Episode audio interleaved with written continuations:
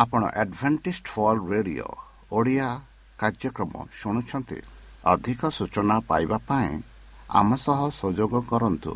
ଏକ ଆଠ ଶୂନ୍ୟ ଶୂନ୍ୟ ଆଠ ତିନି ତିନି ଦୁଇ ଦୁଇ ତିନି ଏକ କିମ୍ବା Bible at the rate of A W R dot O R G ଏହା Adventist World Radio voice of hope ଜୀବନଧାରା।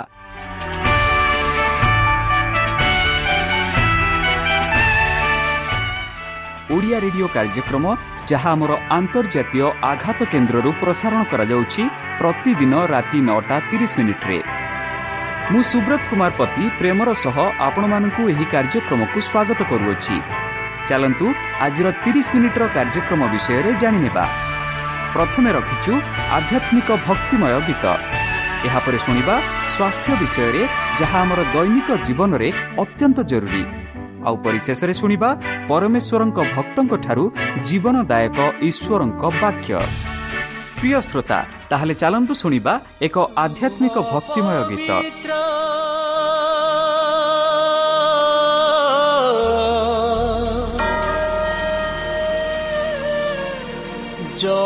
ଜଳ ଢାଳି ଜଳ ଢାଳି ମତେ ଧୋଇ ଦେଇ କ୍ଷମା କର କ୍ଷମା କର କ୍ଷମା କର ପାପ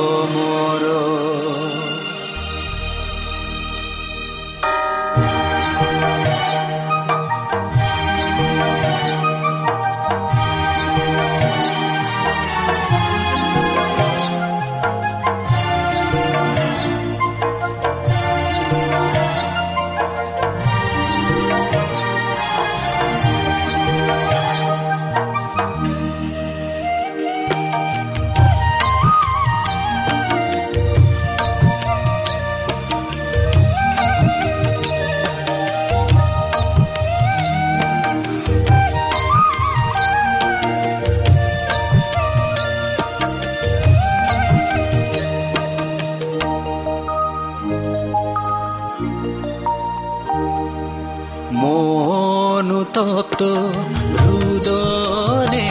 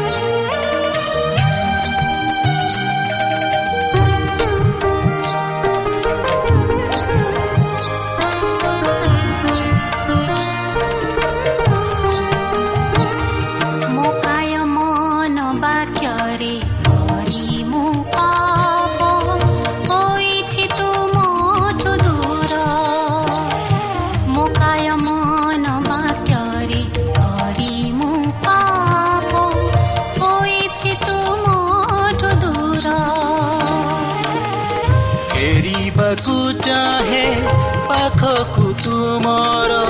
ଫେରିବାକୁ ଚାହେଁ ପାଖକୁ ତୁମର। କରି ଅନୁତାପ ବାର ବାର।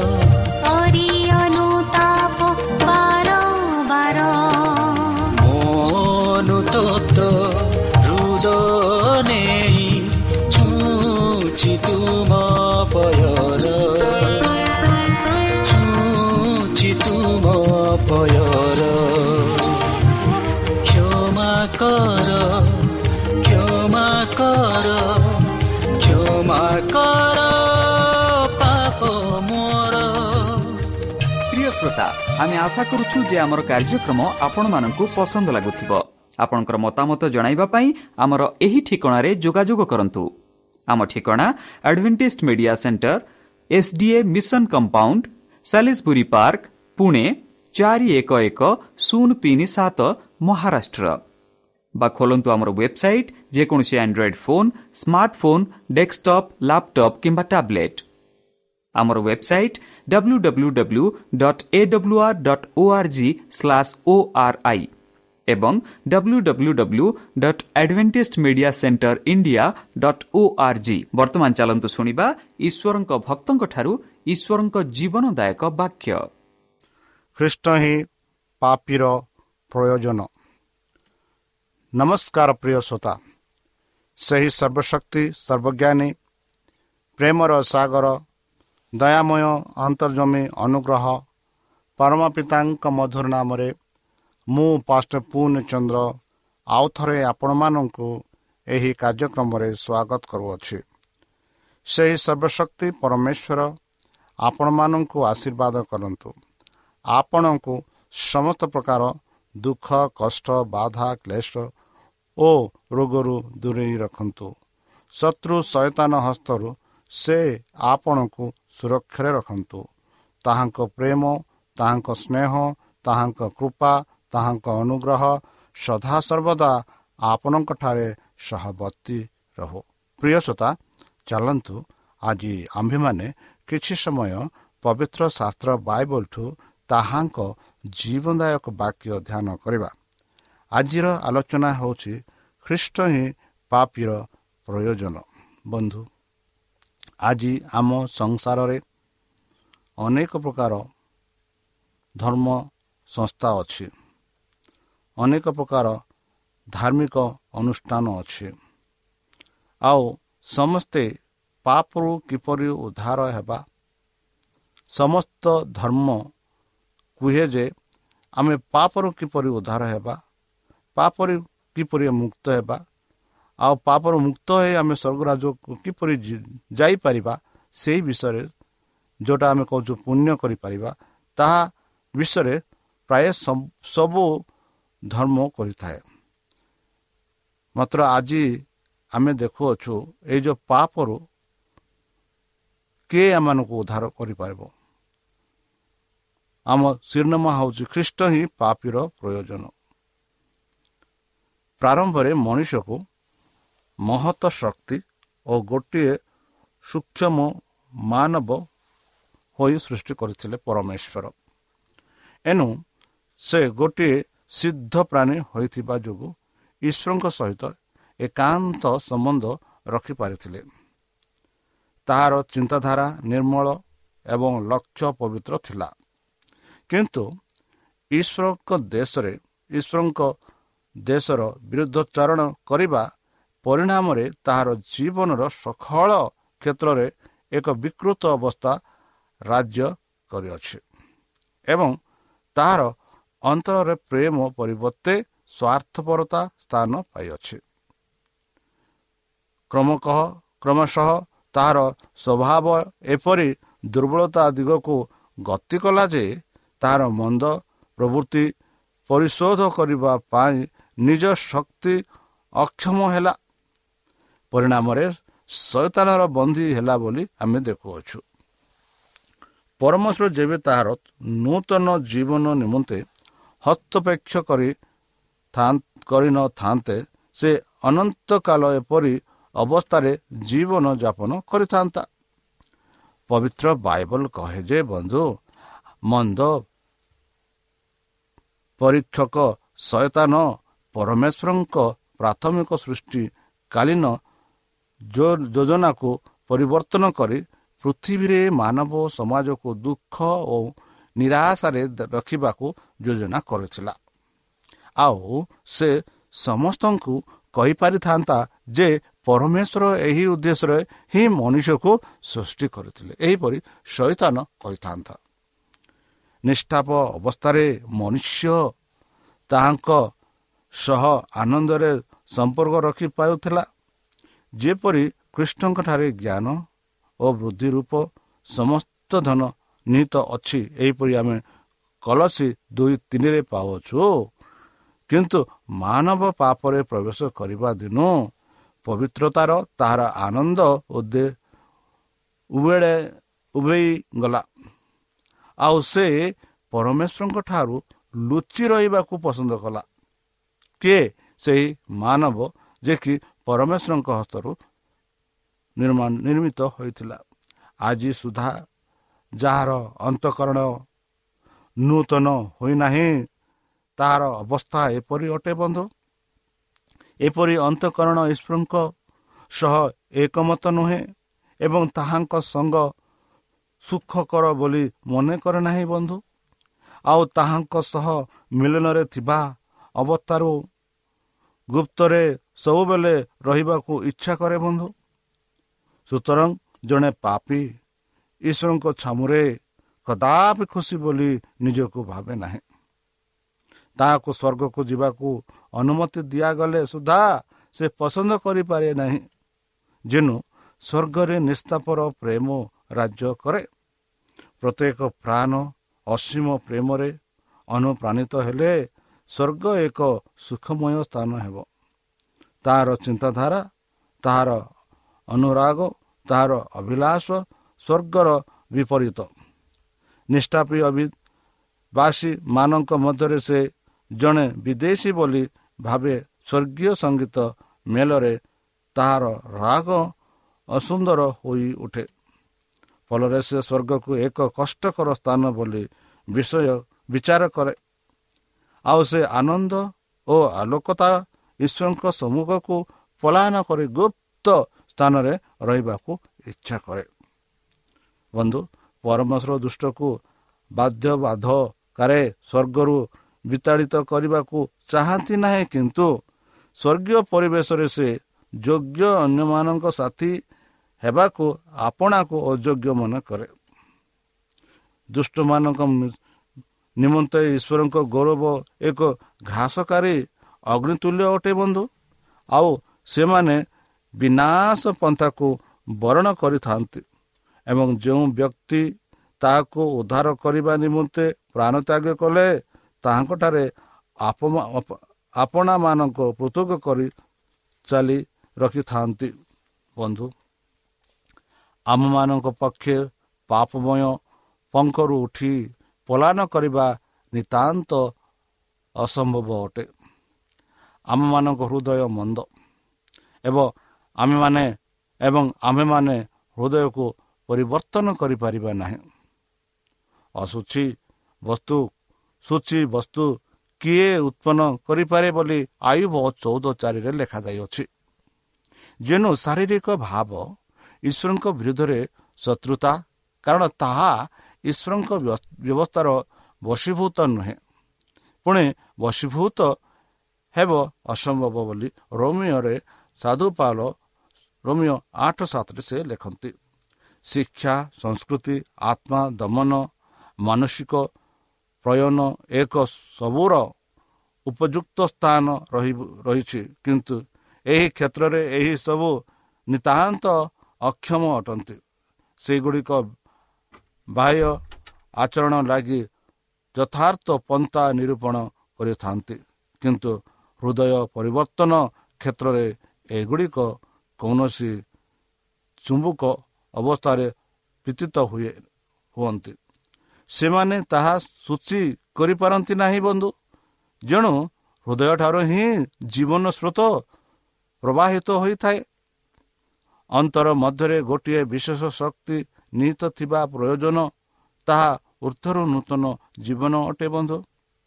ଏହି ଶକ୍ତି ମନୁଷ୍ୟକୁ ପାପ ଠାରୁ ପବିତ୍ରତା ପ୍ରଦାନ କଲେ ପ୍ରଦାନ କରେ ସେହି ଶକ୍ତି ଖ୍ରୀଷ୍ଟ ଅଟନ୍ତି ବନ୍ଧୁ।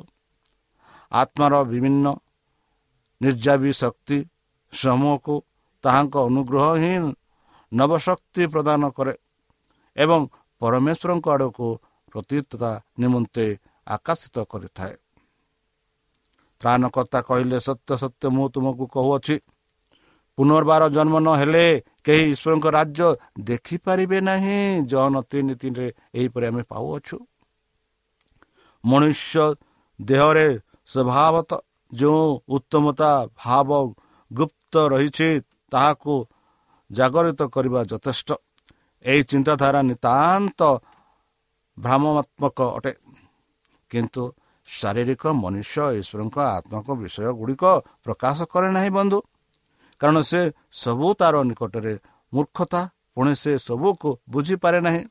ଯେଣୁ ସେ ସବୁକୁ ଆତ୍ମିକ ଭାବରେ ବିଚାର କରେ ନାହିଁ।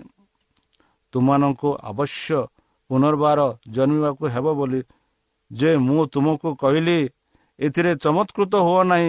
ଏହିପରି ଜନ ତିନି ସାତରେ ଯୀଶୁଖ୍ରୀଷ୍ଟ ଆପଣା ଶିଷ୍ୟମାନଙ୍କୁ କହୁଛନ୍ତି। କୃଷ୍ଣଙ୍କ ସମ୍ବନ୍ଧରେ ଏପରି ଲେଖାଯାଏ ତାହାଙ୍କଠାରେ ଜୀବନ ଥିଲା ଓ ସେହି ଜୀବନ ମନୁଷ୍ୟମାନଙ୍କର ଉଦ୍ଧତି ଜହନ ଏକ ଚାରି। ତାହାଙ୍କ ଛଡ଼ା ଆଉ କାହାଠାରେ ପରିତ୍ରାଣ ନାହିଁ। କାରଣ ଯାହାଦ୍ୱାରା ଆମମାନଙ୍କୁ ପରିତ୍ରାଣ ପାଇବାକୁ ହେବ ଆକାଶ ତଳେ ମନୁଷ୍ୟମାନଙ୍କ ମଧ୍ୟରେ ଆଉ କୌଣସି ନାମ ଦିଆଯାଏ ନାହିଁ। ଏହିପରି ପ୍ରେରିତ ଚାରି ବାରରେ ସାଧୁ ପାଲ ଲେଖନ୍ତି ବନ୍ଧୁ ପରମେଶ୍ୱରଙ୍କ ପ୍ରେମିକ ଦୟାଳୁ ସ୍ୱଭାବ ବଦାନ୍ୟ ପ୍ରତିତୁଲ୍ୟ କରୁଣାଭାବ ତାହାଙ୍କ ଚରିତ୍ରରେ ଦେଖିବା ଯଥେଷ୍ଟ ନୁହେଁ।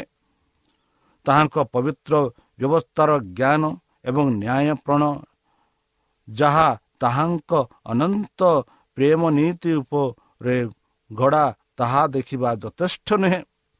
ସାଧୁ ପାଉଲ ତାହା ସବୁ ସବୁ ସୁବିଚାର ପୂର୍ବକ ଡାକ ଦେଇ କହନ୍ତି ତେବେ ବ୍ୟବସ୍ଥା ଯେ ଉତ୍ତମତା ନାହିଁ ମୁଁ ସ୍ୱୀକାର କରେ।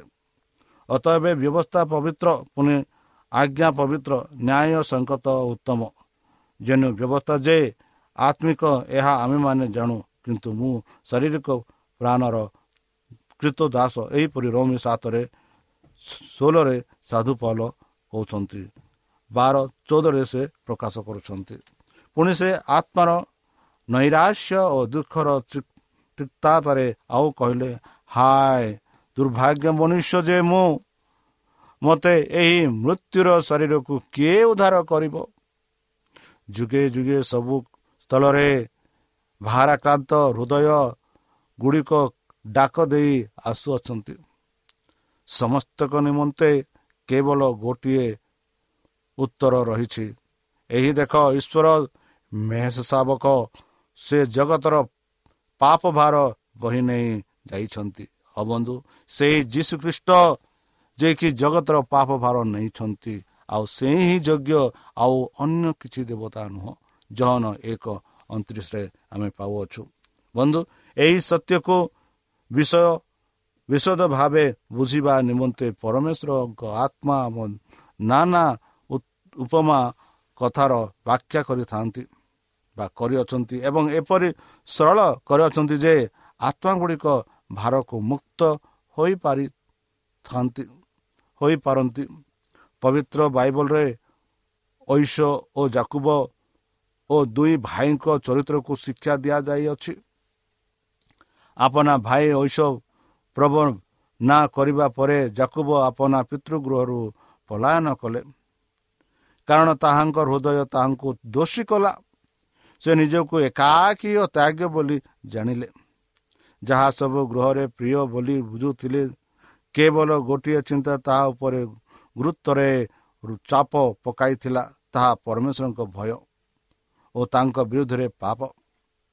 ପରମେଶ୍ୱର ତାହାଙ୍କୁ ପରିତ୍ୟାଗ କଲେ ଦୁଃଖରେ ସେ ଏକାକୀ ଭୂମିରେ ଶୟନ କଲେ। ଚତୁର୍ଥ ଦିଗରେ ନିର୍ଜନ ପର୍ବତ ମାଳା ଏବଂ ଉର୍ଦ୍ଧ୍ୱରେ ତାରାକା ତାରାକା ମଣ୍ଡଳ ଆକାଶ। ଶୟନ କରନ୍ତେ ସେ ଏକ ଆଚର୍ଯ୍ୟ ଦର୍ଶନ ପାଇଲେ ବନ୍ଧୁ ଓ ସେ ଦେଖିଲେ ଯେ ଏକ ସିଢ଼ି ତାହାଙ୍କ ଶୟନ କରିବା ସ୍ଥଳରୁ ଉର୍ଦ୍ଧ୍ୱକୁ ଉଠିଛି ଏବଂ ତାହା ସ୍ୱର୍ଗ ଦ୍ୱାରା ଦର୍ଶ ସ୍ପର୍ଶ କରୁଛି। ତାହା ଉପରେ ଈଶ୍ୱରଙ୍କ ଦୂତଗଣ ଯିବା ଆସିବା କରୁଛନ୍ତି। ଆଉ ଏପରି ସମୟରେ ଉର୍ଦ୍ଧରୁ ପରମେଶ୍ୱରଙ୍କ ଗୌରବଯୁକ୍ତ ଏକ ସ୍ୱାନ୍ତନ ଓ ଭରସା ବାଣୀ ଶୁଣିବାକୁ ପାଇଲେ। ଜାକୁବଙ୍କ ସନ୍ତପ୍ତ ପ୍ରାଣରେ ତାହା ଭରସା ଓ ସ୍ୱାନ୍ତନରେ ସମ୍ବାଦ ଥିଲା। ଜକୁବଙ୍କ ଅନ୍ତକରଣରେ ଅଭିଳାଷିତ ବାଞ୍ଛା ପୂରଣ ହେଲା। ସେହି ସମ୍ବାଦ ତ୍ରାଣଙ୍କ କର୍ତ୍ତାଙ୍କ ସମ୍ବାଦ ଥିଲା। ବଡ଼ ଆନନ୍ଦରେ ଓ କୃତଜ୍ଞତାରେ ଉଠି ସେ ଉଠି ଈଶ୍ୱରଙ୍କ ପ୍ରତିଜ୍ଞା ମାର୍ଗ ବୁଝିଲେ ଓ ପରମେଶ୍ୱରଙ୍କ ସହ ପାପିର ପୁନଃ ମିଳନର ତଥ୍ୟ ପ୍ରକାଶିତ ହେଲା।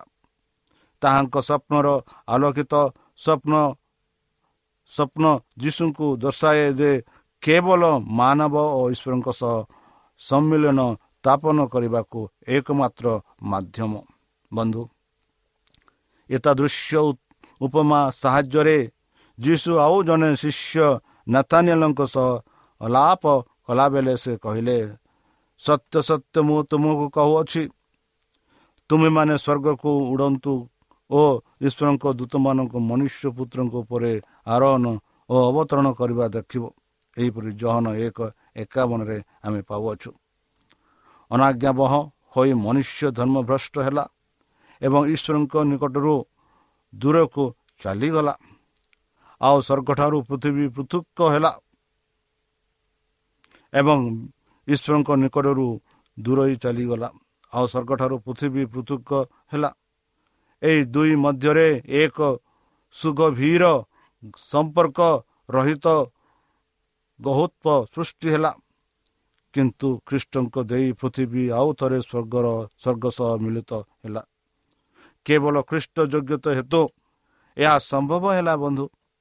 ଯେଉଁ ଗଭୀରରୁ ଗୃହର ପାପ ସୃଷ୍ଟି କଲା ତାହା ଉପରେ ଖ୍ରୀଷ୍ଟ ଗୋଟିଏ ପୋଲ ବାନ୍ଧିଦେଲେ। ଯେପରି ସେବକ ଦୂତଗଣ ମନୁଷ୍ୟମାନଙ୍କ ସାହାଯ୍ୟ କରିବାକୁ ସମ୍ଭବ ରଖିବା ସମ୍ଭବ ହୋଇପାରିବ। ପତିତ ମାନବର ଦୁର୍ବଳତା ଓ ନିଃସହାୟ ଅବସ୍ଥାରେ ଖ୍ରୀଷ୍ଟ ତାହାଙ୍କୁ ଅସୀମ ସାହାଯ୍ୟ କରାଇବାକୁ ଆକାର ଅଟନ୍ତି।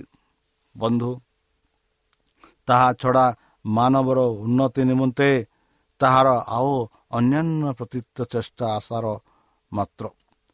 ଯଦି ସେମାନେ ଏହି ସାହାଯ୍ୟ ଓ ଭରସାର ମହାନ ଆଧାରକୁ ଅବହେଳା କରିବେ ତେବେ ସେମାନଙ୍କର ଆଉ ଅନ୍ୟ ସତ୍ୟ ଉପାୟ ରହିବ ନାହିଁ। ସମସ୍ତ ଉତ୍ତମତ ଦାନ ଓ ସମସ୍ତ ସିଦ୍ଧର ଉର୍ଦ୍ଧ୍ୱରୁ ଜ୍ୟୋତିତ୍ୱଗଣର ପିତାଙ୍କ ଠାରୁ ଆସେ। ଯାହାଙ୍କଠାରେ କୌଣସି ପରିବର୍ତ୍ତନ ବା ଲେସ ମାତ୍ର ବିକାର ନାହିଁ ବୋଲି ଜାକୁବ ଏକ ସତ୍ରରେ ଜାକୁବ କହୁଅଛନ୍ତି। ବନ୍ଧୁ ତାହା ଈଶ୍ୱରଙ୍କ ଦାନ। ତାହାଙ୍କ ବ୍ୟତୀତ ଅନ୍ୟଠାରେ ସିଦ୍ଧ ଚରିତ୍ର ସମ୍ଭବ ନୁହେଁ ଏବଂ ଈଶ୍ୱରଙ୍କ ନିକଟକୁ ପନ୍ଥା କେବଳ ଖ୍ରୀଷ୍ଟ ଅଟନ୍ତି। ସେ କହନ୍ତି ମୁଁ ପଥ ସତ୍ୟ ଓ ଜୀବନ। ମୋ ଦେଇ ନ ଗଲେ କେହି ପିତାଙ୍କ ନିକଟକୁ ଯାଏ ନାହିଁ। ଚହନ ଚଉଦ ଛଅରେ ଯୀଶୁଖ୍ରୀଷ୍ଟ ଏହିପରି ପ୍ରକାଶ କରିଥିଲେ। ବନ୍ଧୁ ପୃଥିବୀରେ ସନ୍ତାନ ସନ୍ତାତିମାନଙ୍କ ନିମନ୍ତେ ପିତା ପରମେଶ୍ୱରଙ୍କ କରୁଣା ହୃଦୟ ଅପେକ୍ଷାରେ ରହିଅଛି। ଏହି ପ୍ରେମ ମୃତ୍ୟୁ ଅପେକ୍ଷା ଶକ୍ତିଶାଳୀ ଅଟେ। ତାଙ୍କ ପୁତ୍ରଙ୍କୁ ଦାନ ଦେବାରେ ଗୋଟିଏ ମାତ୍ର ଦାନରେ ସେ ସ୍ୱର୍ଗର ସମସ୍ତ ଦାନ ଅର୍ପଣ କରି ଅଛନ୍ତି। ତ୍ରାଣକର୍ତ୍ତାଙ୍କର ଜୀବନ ମରଣ ପ୍ରାର୍ଥନା ଓ ଦୂତମାନଙ୍କ ସେବା ପବିତ୍ର ଆତ୍ମାଙ୍କ ପ୍ରେରଣା। ଏହା ତ ବ୍ୟତୀତ ପିତା ସ୍ୱଜ୍ଞଗଣ୍ୟ ପ୍ରାଣୀମାନଙ୍କ ସଙ୍ଗେ ଅନବରତ କାର୍ଯ୍ୟ କରୁଅଛନ୍ତି। ଏ ସମସ୍ତ ମାନବର ମୁକ୍ତି କରଣାର୍ଥେ ସମ୍ପୃକ୍ତ ଅଟନ୍ତି। ବନ୍ଧୁ ଆହେ ଆମ୍ଭେମାନେ ତାହାଙ୍କ ଆଶ୍ଚର୍ଯ୍ୟଜନକ ବଳିଦାନ ଯାହା ସେ ଆମମାନଙ୍କ ନିମନ୍ତେ ସାଧନ କରନ୍ତି। ତତ୍ ସନ୍ଦର୍ଭରେ ଅନୁଧ୍ୟାନ କରୁ। ପୀଡ଼ିତ ମାନବକୁ ଈଶ୍ୱରଙ୍କ ଗୃହକୁ ଫେରାଇ ଆଣିବା ନିମନ୍ତେ ସ୍ୱର୍ଗର ସକଳ ଚେଷ୍ଟା ଓ ଶକ୍ତିର ଗୁଣ ଉପଲବ୍ଧ କରୁ। ବଳଦ ପ୍ରବୃତ୍ତି ଏବଂ ଅନ୍ୟାନ୍ୟ କିଛି ଶକ୍ତିଶାଳୀ ପ୍ରତିନିଧି ଦଳ। କୌଣସି ମତେ ଏହା ସଫାଲ୍ୟମଣ୍ଡିତ କରିବାକୁ ସକ୍ଷମ ନୁହନ୍ତି ଏବଂ ତ୍ରାଣକର୍ତ୍ତାଙ୍କ ହୃଦୟରେ ପ୍ରେମର ସେବା ଦାନ କରିବାକୁ ଏ ସମସ୍ତ ଉତ୍ସାହ ଓ ଉଦ୍ଦୀପାନ ଦାନ କରୁନାହାନ୍ତି କି ବନ୍ଧୁ? ଏହା ବ୍ୟତୀତ ପରମେଶ୍ୱରଙ୍କ ପବିତ୍ର ବିଚାର ପାପ ବିରୁଦ୍ଧରେ ସମୁଚିତ ଦଣ୍ଡ ଦଣ୍ଡ ବିଧାନ ଉଚ୍ଚାରଣ କରି ସାରିଲାଣି। ସୁନିଶ୍ଚିତ ଦଣ୍ଡ ଆମମାନଙ୍କ ଚରିତ୍ରର ପବିତ୍ର ଅବସ୍ଥା ଅନ୍ତିମ ବିନାଶ ଏବଂ ଶୟତାନର ସେବା ବିରୁଦ୍ଧରେ ଆମମାନଙ୍କୁ ପରମେଶ୍ୱରଙ୍କ ପବିତ୍ର ବାକ୍ୟର ସତର୍କ ବାଣୀ ହୋଇଅଛି। ବନ୍ଧୁ ଈଶ୍ୱରଙ୍କ ଅନୁଗ୍ରହକୁ ଆମେମାନେ ସମ୍ମାନ ପ୍ରଦର୍ଶନ କରିବା କରିବାର ନାହିଁ କି? ଆଉ ସେ ଅଧିକ କ'ଣ କରିଥାନ୍ତେ? ସେ ମହାନ ଆଚାର୍ଯ୍ୟ ପ୍ରେମରେ ଆମମାନଙ୍କୁ ପ୍ରେମ କରିଅଛନ୍ତି ଏଣୁ ଆମେମାନେ ତାହାଙ୍କ ସହ ଯଥାର୍ଥ ସମ୍ବନ୍ଧ ରଖୁ।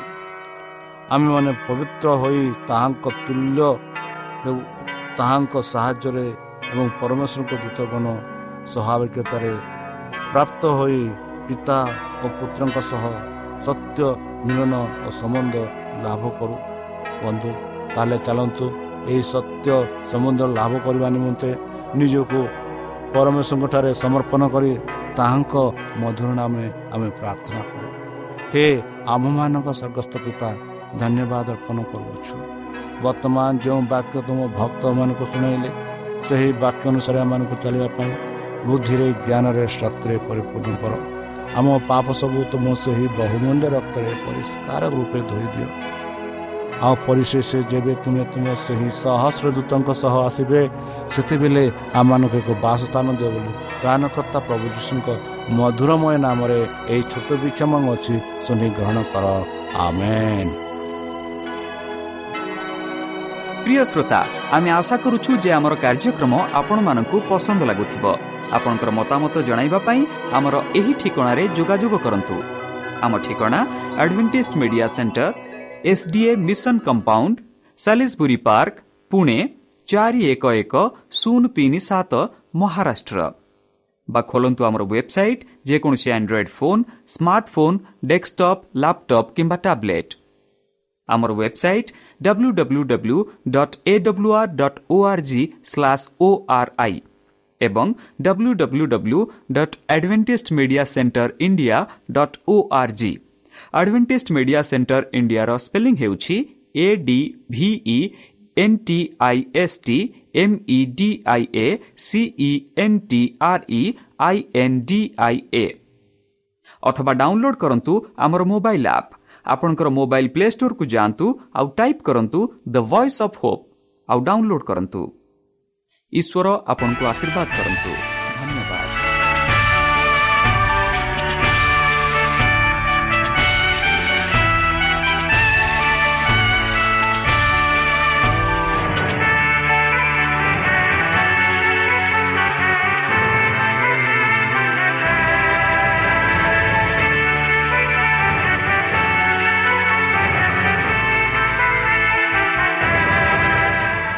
ଆପଣ ଆଡ଼ଭେଣ୍ଟିସ୍ଡ ଫଲ୍ ରେଡ଼ିଓ ଓଡ଼ିଆ କାର୍ଯ୍ୟକ୍ରମ ଶୁଣୁଛନ୍ତି। ଅଧିକ ସୂଚନା ପାଇବା ପାଇଁ ଆମ ସହ ସଂଯୋଗ କରନ୍ତୁ। ଏକ ଆଠ ଶୂନ୍ୟ ଶୂନ୍ୟ ଆଠ ତିନି ତିନି ଦୁଇ ଦୁଇ ତିନି ଏକ କିମ୍ବା Bible at the rate of A W R dot O R G